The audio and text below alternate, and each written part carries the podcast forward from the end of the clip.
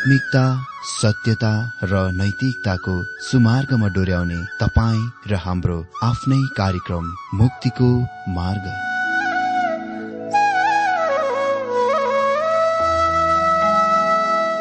आदरणीय श्रोता यस मुक्तिको मार्ग कार्यक्रममा हार्दिक स्वागत छ आशा छ यस आत्मिक कार्यक्रमद्वारा जीवनमा आत्मिक आशिष अलौकिक शान्ति र आनन्द प्राप्त गर्नुहुनेछ। र जीवनमा धन्य अनुभव गर्नुहुनेछ। आउनुहोस् श्रोता। मन र आत्माको तयारीको लागि यो मिठो अनि मधुर भजन गीत सुनौ।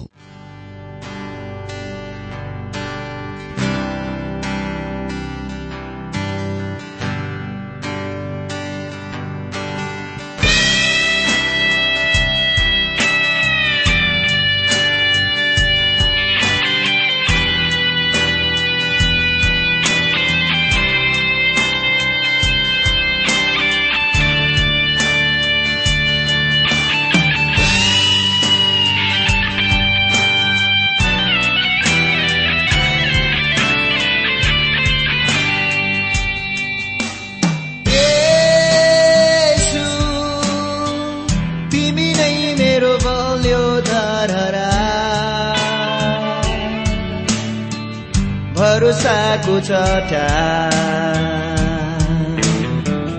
मेरो लुग्ने ठाउँ भरोसाको चट्टान मेरो लुग्ने ठाउँ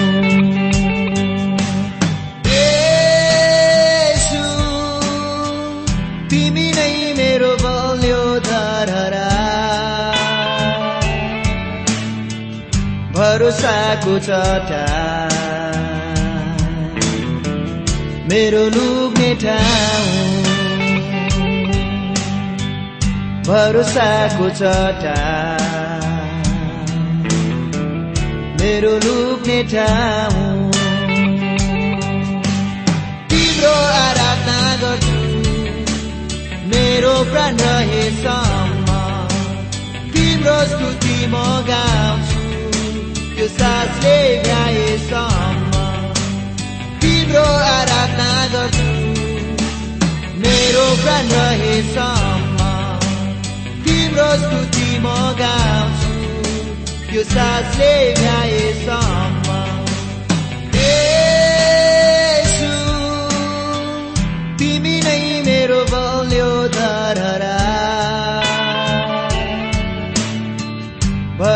भरोसाको चट्टान मेरो लुक्ने ठाउँ। भरोसाको चट्टान मेरो लुक्ने ठाउँ।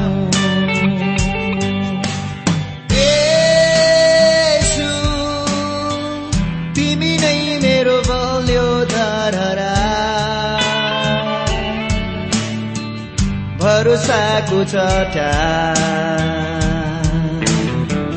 मेरो लुग्ने ठाउँ। भरोसाको चट्टान मेरो लुग्ने ठाउँ।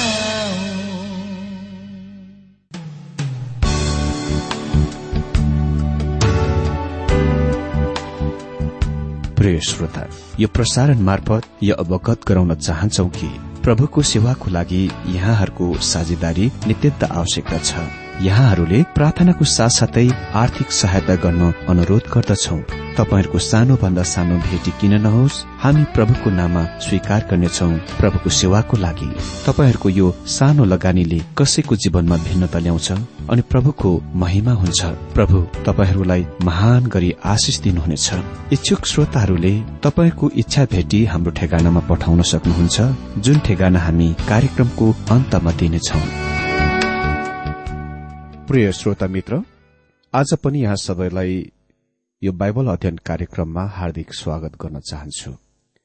श्रोता आज हामी बाइबल अध्ययन प्रकाश तीन अध्यायबाट आरम्भ गर्न गइरहेका छौं।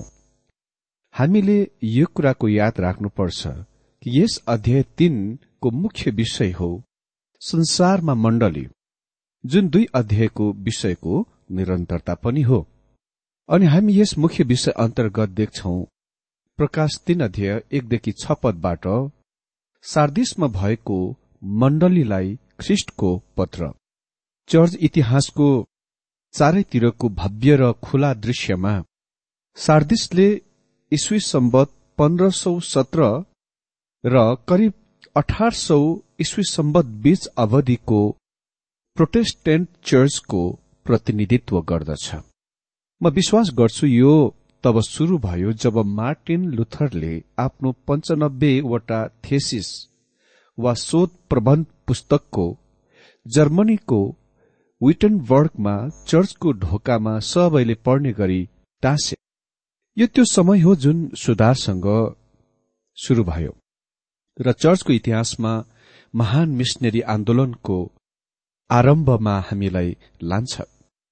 सर्डिस लिडियामा महान राज्यको राजधानी थियो र यो एउटा एसिया माइनरको एक पुरानो महत्वपूर्ण सहर हो। यो समुद्रदेखि टाढामा रहेको भित्री भागमा स्थित सानो माथि उच्च उचालिएको वा उठेको पठारमा बनिएको थियो जुन हेर्मोस उपत्यकाको ठिक माथि उठेको छ। त्यसको सबै चारैतर्फ वा दिशामा पत्थरको पर्खाल छ जुन एकदम चिल्लो छ। लगभग एक किसिमले ठाडो छ। त्यहाँ पुग्ने बाटो चाहिँ दक्षिणपट्टिबाट र एकदम अप्ठ्यारो सिँढी र कठिन बाटोद्वारा हो। जब त्यहाँ सभ्यता र वाणिज्य व्यापार बढ्यो धेरै जटिल समस्याहरू त्यहाँ आए। उच्च पठारहरू अति नै सानो बन्यो। तल्लो सहर लोवर सिटी मुख्यतया सुरुको खास सहरको पश्चिमतिर वा दिशामा बनिएको थियो। पुरानो सहर चाहिँ किल्लाको रूपमा प्रयोग गरिन्दथ्यो। वास्तवमा यसले दुईवटा सहर बनायो र यसलाई बहुवचन नाममा अर्थात सार्डिसस वा सार्डिस भनी सम्बोधन गरिन्दथ्यो। समतर तराई चाहिँ पाक्लोटलस नदीद्वारा राम ऋषि चाहिँ पाउँदथ्यो। त्यो गलैचा कारखानाको केन्द्र बन्यो र त्यो त्यसको धन र पैसाको लागि प्रसिद्ध थियो। सिक्काहरू सर्वप्रथम त्यहाँ बनाएको थियो। यसको अन्तिम शासक धनवाद धनवान क्रोएसियस थिए जसलाई सिरसद्वारा कब्जा गरिएको थियो। उसलाई विश्वको सबभन्दा धनी मानिसको रूपमा विचार गरिन्दथ्यो र उसले हुने हरेक कुरा सुनमा परिवर्तन भएको जस्तो देखिन्थ्यो। सार्डिस पर्सियनहरूद्वारा अलेक्जेन्डरद्वारा अन्तिकोस महानद्वारा र अन्तिममा रोमीहरूद्वारा शासन गरियो। त्यसलाई रोमी सम्राट टिब्रेसियसको शासनकाल अवधिमा भूकम्पद्वारा नष्ट गरियो। हाम्रो दिनमा सिभिले मन्दिरका विध्वंसहरू भग्नावशेषहरू र अपोलो मन्दिरका भग्नावशेषहरू पनि अझै देख्न सकिन्छ। यो एक विरलै डबल मन्दिर हो जुन संसारमा पाइन्दछ सिवेलेलाई एफिससमा डाइनाको रूपमा जानिन्दथ्यो। जब तपाईँ समुद्रदेखि टाढामा रहेको मुलुक भित्री भागको देशमा प्रवेश गर्नुहुन्छ त्यो प्रकृतिको देवी बन्दछ त्यो जुन चन्द्रमाको देवी थिइन् र अपोलो चाहिँ सूर्यको देवता थियो। तिनीहरू दाजु र बहिनी थिए। यो अति नै भ्रष्ट आराधना थियो जुन एफिससमा डाइनाको आराधना जस्तै एकदम मिल्दोजुल्दो छ। व्यापक पुरातत्वविदहरूले खोदाईहरू सार्डिसमा गरेका छन्। तिनीहरूले जिम्नाजियम र सभागारहरू पनि पुननिर्माण गरिरहेका छन्। तिनीहरूले रोमी सड़कहरू खनेका छन् अनि त्यस सड़कहरूमा प्रेत पावल हिँडेका थिए। यसले हामीलाई एकदमै रोमाञ्चित पार्दछ। तीन अध्ययको एक पदमा लेखिएको छ अनि सर्डिसका मण्डलीका दूतलाई यो लेख। यी कुरा परमेश्वरका सात आत्मा र सात तारा हुनेले भन्दछ। तिम्रा काम मलाई थाहा छ। तिमी जीवित छौ भने नौ त छ तर तिमीहरू मरेका छौ। जससँग परमेश्वरको सात आत्माहरू छन् र सात ताराहरू छन्। उहाँले आफै स्वयंलाई सार्डिसमा भएको मण्डली कहाँ परमेश्वरका सात आत्माहरू हुनेको रूपमा पेश गर्नुहुन्छ। यसको मतलब उहाँ नै एक हुनुहुन्छ जसले पवित्र आत्मा परमेश्वरमा पठाउनुभयो। हामीले देखिसकेका छौं कि साडिसले प्रोटेस्टेन्ट चर्चको प्रतिनिधित्व गर्दछ। श्रोता चर्च मण्डलीलाई आज त्यो परमेश्वरको आत्माको आवश्यक छ जसले त्यसभित्र काम गरिरहेको होस् वा त्यसभित्र काम गरिरहेको आत्मा त्यसलाई चाहिन्छ। हामी सोच्दछौ कि हामीलाई विधिहरूको धर्म विधिहरूको आवश्यक छ। र हामीसँग विश्वासीहरूको सहायताको लागि भनेर विभिन्न किसिमका कोर्सहरू छन् जुनद्वारा हामी जीवनका विभिन्न किसिमका समस्याहरूको समाधान गर्ने कोसिस गर्दछौ। हामीले के गर्न आवश्यक छ भने ख्रिष्टको व्यक्तिमा प्रवेश गर्नुपर्दछ जसलाई खालि पवित्र आत्माले मात्र हामी कहाँ वास्तविक र हामीमा उहाँको उपस्थितिको आभास गराउन सक्छ र हामी हाम्रा जीवनका समस्याहरूका उहाँद्वारा सामना गर्न सक्छौ। यो नै कुरा आज प्रोटेस्टिजमलाई आवश्यक छ। मण्डलीको इतिहासको अन्धकार युगहरूका अन्ध्यारो रातहरूमा पनि पवित्र आत्मा अझै संसारमा काम गरिरहनु भएको थियो। वा Martin Luther John Calvin John Knox र अन्य धेरै महान प्रभुका जनहरूका मानिसहरूका हृदयमा काम गर्नुभयो र उत्प्रेरित गर्नुभयो उहाँको सेवाको निम्ति। भनिएको छ तिम्रा कामहरू म जान्दछु। यो चाहिँ प्रशंसाको वचन हो। यो कुराको याद राख्नुहोस् सुधार रिफर्मेशनले विश्वासद्वारा धर्मीकरणको सिद्धान्तलाई पुनस्थापन गर्यो र यस विश्वासले कामहरूको उत्पादन गर्दछ। भनिएको छ तिमी जीवित छौ भन्ने तिम्रो नाम चाहिँ छ। समग्र रूपमा प्रोटेस्टिजमसँग जीवित छ भन्ने नाम मात्र छ। तर त्यो वास्तवमा मरेको छ। धेरै प्रोटेस्टेन्ट चर्चहरू मण्डलीहरू आज विशेष गरेर पश्चिमी मुलुकहरूमा बाहिर देखावटी कामहरू मात्र गरिरहेका छन्। तिनीहरू सधैँ केही न केही कुरा गरिरहेका र केही कुरा बनाइरहेका हुन्छन्। मानिसहरू पनि आइरहेका छन् विशेष गरेर आराधनाको दिनमा। तर मित्र हप्ताका अरू दिनहरूमा त्यति धेरै अन्य सेवा संगतिहरू हुँदैन अनु भन्नु नै पर्दा तिनीहरू आराधनाका दिनमा जब मण्डलीमा आउँछन् तिनीहरू वास्तवमा परमेश्वरको वचन सुन्न परमेश्वरलाई आराधना गर्न आउँदैनन्। तिनीहरू उहाँलाई भक्ति चढाउन आउँदैनन्। तिनीहरू क्रिस्चियन भएकोले गर्दा चर्च मण्डलीमा आउनु परेकोले गर्दा आउँछन् बस। धेरैजना यस्ता खालका क्रिस्चियनहरू छन्। भनिएको छ तिमी जीवित छौ भन्ने तिम्रो नाम चाहिँ छ तर तिमी मरेका छौ। यो अति नै भयानक निन्दा हो र यो आज समग्रमा भन्नुपर्दा प्रोटेसिजमको तस्विर हो। दुई पदमा लेखिएको छ जाग रह र मर्ने लागेका रहल कुराहरूलाई दरिला पार किनकि मैले तिम्रा कहाँ मेरा परमेश्वरको दृष्टिमा सिद्ध भएको भेटाएको छैन। यो निन्दाको दोस्रो वचन हो। अनि यो चेतावनीको शब्द हो जुनको सार्डिसमा खास विशेष अर्थ थियो। मैले पहिले उल्लेख गरिसकेको छु कि सार्डिस डाँडा पर्वतको टुप्पोमा स्थित सहर थियो। दक्षिणपट्टिबाट मात्र त्यहाँ प्रवेश गर्न एउटा ढोका थियो। अनि पुरानो जमानामा त्यस सहरमा प्रवेश गर्ने खाली त्यो मात्र बाटो थियो। त्यसकारण सार्डिसले गर्नुपर्ने कुरा चाहिँ एक ठाउँमा उभिएर सहरको चौकीदारी गर्नु पहरा बस्नु थियो। तर तिनीहरूको इतिहासमा दुईपल्ट तिनीहरूलाई तिनीहरूका शत्रुहरूद्वारा आक्रमण गरिए किनभने तिनीहरूले आफैलाई एकदम सुरक्षित भएको ठाने। यो विश्वास गर्दै कि त्यो डाँडा वा पर्वत दुर्जय थियो वा विजय गर्न नसकिने स्थान थियो भनेर। र चौकीदार पहरेदार ड्युटीको बेलामा नै सुत्न गए तिनीहरू वा सुते। पाँच सौ उन्चास ख्रिस्ट पूर्वमा कुरेशको मादी सैनिकले त्यस सहरको पर्खालमाथि चढे। उक्ले अनि त्यसपछि फेरि दुई सय अठार ख्रिस पूर्वमा अन्तिकस महानले साडिसलाई कब्जा गरे किनभने उसका सैनिकहरू पर्खालहरूबाट चढेर माथि शरमा उक्ले जब त्यसका पहरेदारहरू चौकीदारहरू चाहिँ बेहोसारी बेहोसियार भएका थिए। सार्डिसमा भएको मण्डलीलाई प्रभु के भन्नुहुन्छ भने तिमी जाग र पहरा बस चौकीदार गर।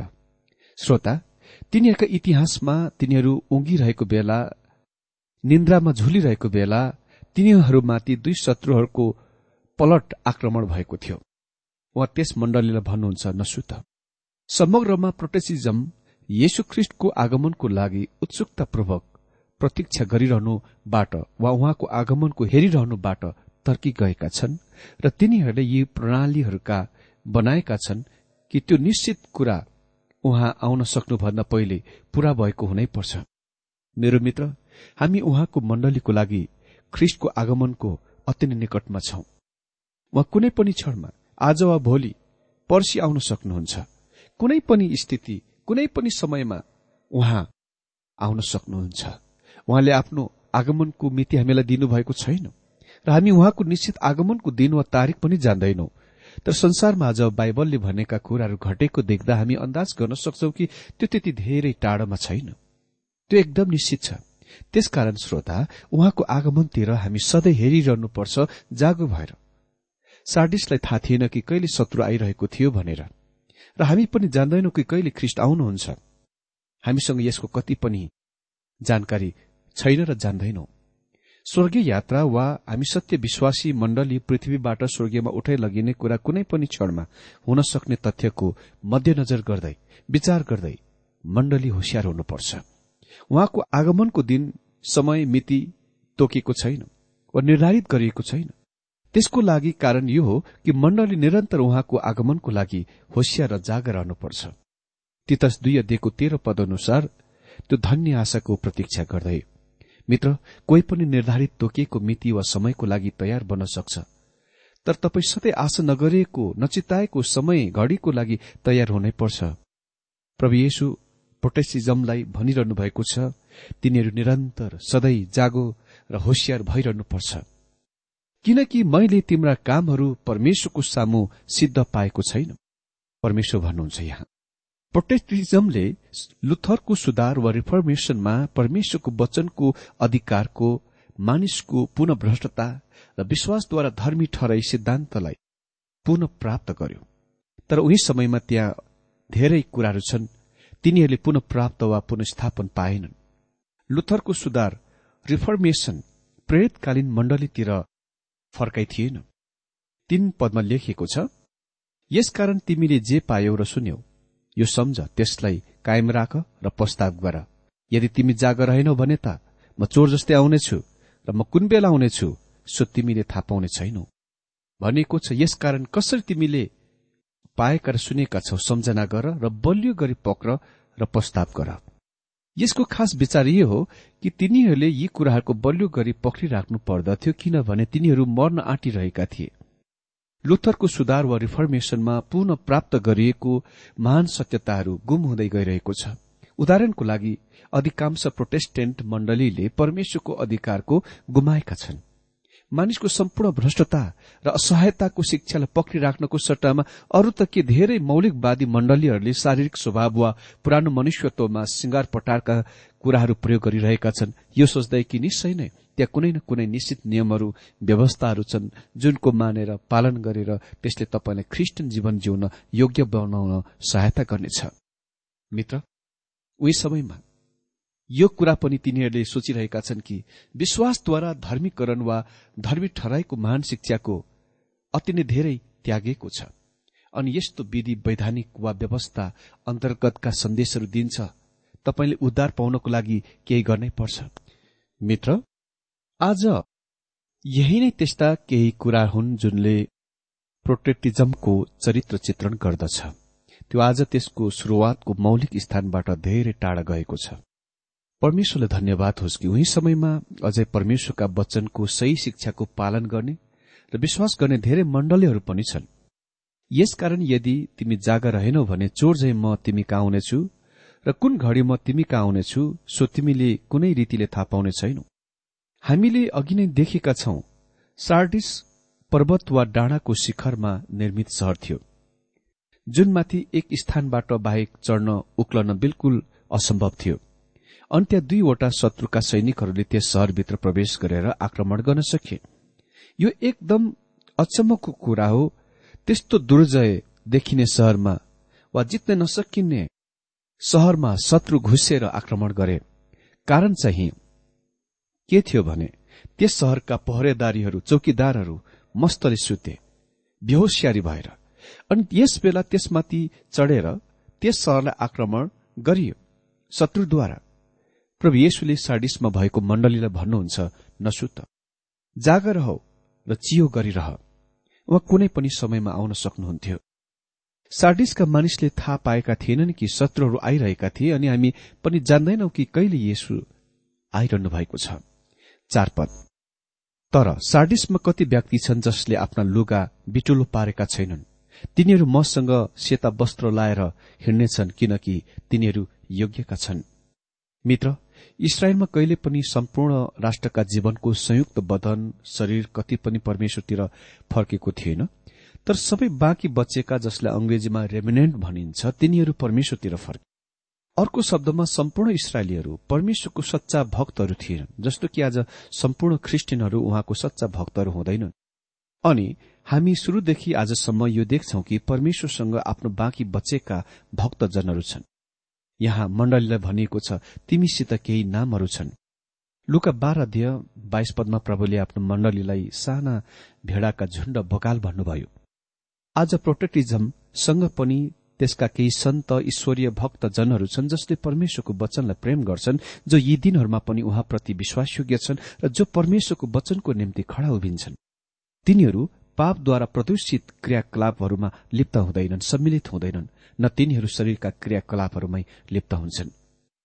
प्रोटेक्टिजमले केही महान मानिसहरू जन्माएको छ उत्पादन गरेको छ जस्तै Martin Luther John Calvin John Knox John Bunyan John Wesley John मार्फाल्ट David Livingstone William Carey Henry Martyn Titus कौन प्रोटेक्टिजम त्यससँग केही त्यस्ता नामहरू छन् जसले आफैलाई कहिले पनि अशुद्ध अपवित्र बनाएनन् र परमेश्वरका विश्वासी पात्र बनिरहे र परमेश्वरको वचनप्रति विश्वासयोग्य भए। आज पनि त्यहाँ धेरै विश्वासीहरू छन्। त्यसको लागि प्रभुलाई धन्यवाद होस्। मित्र प्रोटेटिजमले निश्चय नै केही महान मानिसहरू उत्पादन गरेको छ। आत्मिक अन्धकार युगको अवधिमा अनि रोमनिजमले पनि बिल्कुलै उही काम गरेको छ। धेरै महान प्रभु भक्तहरू उत्पादन गरेको छ। तर यसको मतलब तिनीहरूका प्रणालीहरूको प्रशंसा गर्नु अह होइन। रोमनिजमको प्रणाली र प्रोटेस्टिजमको प्रणाली जुन ती कुराहरू सत्य विश्वासबाट भौतारी गएका महान सम्प्रदायहरूमा प्रकट भएका छन्।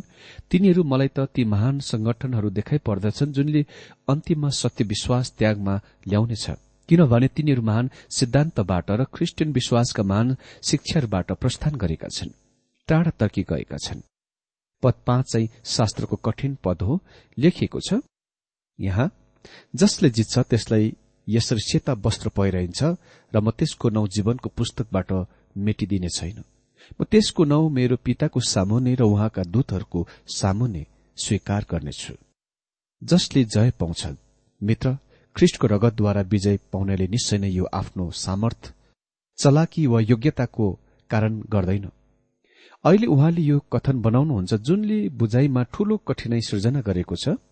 जीवनको पुस्तकबाट म उसको नाम कुनै रीतिले काट्ने छैन तर उसको नाम फेरि मेरो पिताको सामु र उहाँको दूतहरूको सामु स्वीकार गर्नेछु। यो कुराको नोट गर्न चाखलाग्दो कुरा छ कि वंशवाली सूचीमा त्यहाँ खालि दुई पुस्तकहरू मात्र छन् जुनको पहिचान गरिएको छ पहिलो उत्पत्ति पाँच अध्यय एक पद आदमको वंशको पुस्तक हामी त्यस पुस्तकमा छौं तर त्यो मृत्युको पुस्तक हो अनि दोस्रो मती एक अध्यय एक पद येशु ख्रिस्टको वंशको पुस्तक। यस कथन वंशको पुस्तक असामान्य अभिव्यक्त हो। यो खालि आदमको सम्बन्धमा र ख्रिस्टको सम्बन्धमा मात्र देखिन्दछ यसो ख्रिस्टको वंशको पुस्तक जीवनको पुस्तक हो। म विश्वास गर्दछु तपाईँ ख्रिस्टमा विश्वासद्वारा त्यस पुस्तकमा प्रवेश गर्न सक्नुहुन्छ। तब यसले यहाँ प्रश्न खड़ा गर्दछ के जीवनको पुस्तकमा हुन तपाईँको लागि सम्भव छ? अनि त्यसपछि त्यहाँबाट नाम मेटिनु सम्भव छ त? के तपाईँ आफ्नो उद्धार गुमाउन सक्नुहुन्छ? यदि यो सत्य हो भने तब प्रभु येशुले यो भन्नु हुने थिएन। युहन्ना दश अध्यायको अठाइस पदमा अनि म तिमीहरूलाई अनन्त जीवन दिन्छु र तिनीहरू कहीँ पनि नाश हुने छैन। न तिनीहरूलाई कसैले मेरो हातबाट छिनेर लानेछ। पटक पटक पूरा शास्त्रभरि हामीसँग भएका हाम्रा उद्धारका निश्चयताहरूको बारेमा बताइएको छ। मित्र म डाक्टर जोन वल्बर्टको पुस्तक येशु ख्रिस्टको प्रकाश शीर्षक पुस्तकबाट यसै सन्दर्भमा उसको विचारहरू दिन चाहन्छु जुन एक अति नै असल स्पष्टीकरण र व्याख्या हो। यस पदको अर्थको सम्बन्धमा। कसैले संकेत गरेका छन् कि यहाँ स्पष्ट कथन छैन कि कसैको आफ्नो नाम मेटिनेछ। तर प्रतिज्ञा यो हो कि ख्रिस्टमा उसको विश्वासको कारण उसको नाम मेटाइने छैन। तर यहाँ लागू चाहिँ यो हो कि त्यस्तो हुने सम्भावना छ। यसको आधारमा कसैले जीवनको पुस्तकलाई ती मानिसको नामको सूचीको रूपमा विचार गरेका छैनन् जो उद्धार पाएका छन् तर बरु ती मानिसहरूको सूचीको रूपमा विचार गरेका छन् जसको लागि ख्रिष्ट मर्नुभयो। यसको मतलब हो सम्पूर्ण मानव जससँग शारीरिक जीवन पाएको छ। जब तिनीहरू परिपक्वतामा वास्तविकताको बुझ्ने उमेरको अवस्थामा आउँछन् र ख्रिष्ट इन्कार गर्ने वा स्वीकार गर्ने ग्रहण गर्ने कुराको उत्तरदायित्वसँग सामना गर्छन् यदि तिनीहरूले उहाँलाई उद्धारकर्ताको रूपमा ग्रहण गर्न विफल भए तिनीहरूका नाम मेटाइदछ। जबकि जसले ख्रिस्टलाई आफ्नो उद्धारकर्ताको रूपमा ग्रहण गर्छ तिनीहरू जीवनको पुस्तकमा तिनीहरूका स्थानमा पुष्टि पक्का गरिन्दछ र तिनीहरूका नाम पिता र स्वर्गीय दूतहरूको सामुने स्वीकार गरिन्दछ। मलाई लाग्छ यो असल र सही स्पष्टीकरण हो। प्रकाशमा यस पुस्तकको सम्बन्धमा ठूलो महत्वता दिइएको छ। प्रकाश तेह्र अध्ययको आठ सत्र अध्ययको आठ अनि बीस अध्ययको बाह्र र पन्ध्र पद अनि एक्काइस अध्ययको सत्ताइस अनि बाइस अध्ययको उन्नाइस पदमा हामी जीवनको पुस्तकको बारेमा देख्छौ। हामी यसको बारेमा फेरि कुराकानी गर्नेछौ जब हामी प्रकाश बाइस अध्ययको अन्तिम पदमा प्रवेश गर्नेछौ। कसैले यी दुई पुस्तकहरूलाई प्रकाश बीस अध्ययको बाह्र पदमा पहिचान गरेका छन् खालि मुखको घोषणाको पुस्तक र वास्तविकताको पुस्तकको रूपमा। तिनीहरू यो विचार गर्दछन् कि नामहरू खालि मुख घोषणाको पुस्तकबाट मेटाइएको छ तर वास्तविकताको पुस्तकबाट होइन। अर्कोले चाहिँ यो सुझाव दिन्छ कि सबै नाम सुरुमा जीवनको पुस्तकमा राखिएको थियो तर कसै कसैको चाहिँ मेटाइयो वा हटाइयो। ख्रिस्टको लागि कुनै व्यक्तिको निर्णयको अभाव र ख्रिस्टलाई अस्वीकारको कारणले उसको नाम मृत्युको समयमा हटाइनेछ। यी दुवै विचारहरू गम्भीर विरोधहरूको सुझाव दिन्छ साथै तिनीहरूलाई प्रशंसा गर्ने असल विषयवस्तुहरू पनि छ। हजुर म यस कुरामा दृढ निश्चित छु कि यसको सम्पूर्ण विचार खालि यो मात्र हो। यो अचम्बित पार्ने कुरा हो कि साडिसमा भएका सबै बचेका वा उद्धार पाउने थिए। तर त्यहाँ कोही कोही थिए उहाँले भन्नुभयो कि जसको नाम जीवनको पुस्तकबाट मेटिने थिएन। उहाँले भन्नुभएन कि प्रत्येकको नाम मेटाइनेछ उहाँले खालि यही मात्र भन्नुभयो साडिसमा पनि त्यहाँ कोही कोही उद्धार पाउनेहरू छन्। म तपाईँलाई भनौँ महत्वपूर्ण कुरा चाहिँ तपाईँको नाम जीवनको पुस्तकमा लेखिएको छ या छैन? त्यो हो। म विश्वास गर्दिन कि तपाईँले उद्धार पाइसक्नु भएपछि फेरि कहिले आफ्नो त्यस उद्धार गुमाउनुहुन्छ। अह। छ पदमा लेखिएको छ जसको कान छ त्यसले सुनोस् पवित्र आत्माले मण्डलीलाई के भन्नुहुन्छ? फेरि यो थुमाको रगत लगाइएको कानले परमेश्वरको वचनद्वारा आज मण्डलीसँग आत्माले कुरा गरिरहनु भएको आवाज सुन्न आवश्यक छ। के तपाईँले आज उहाँको वचन सुनिरहनु भएको छ?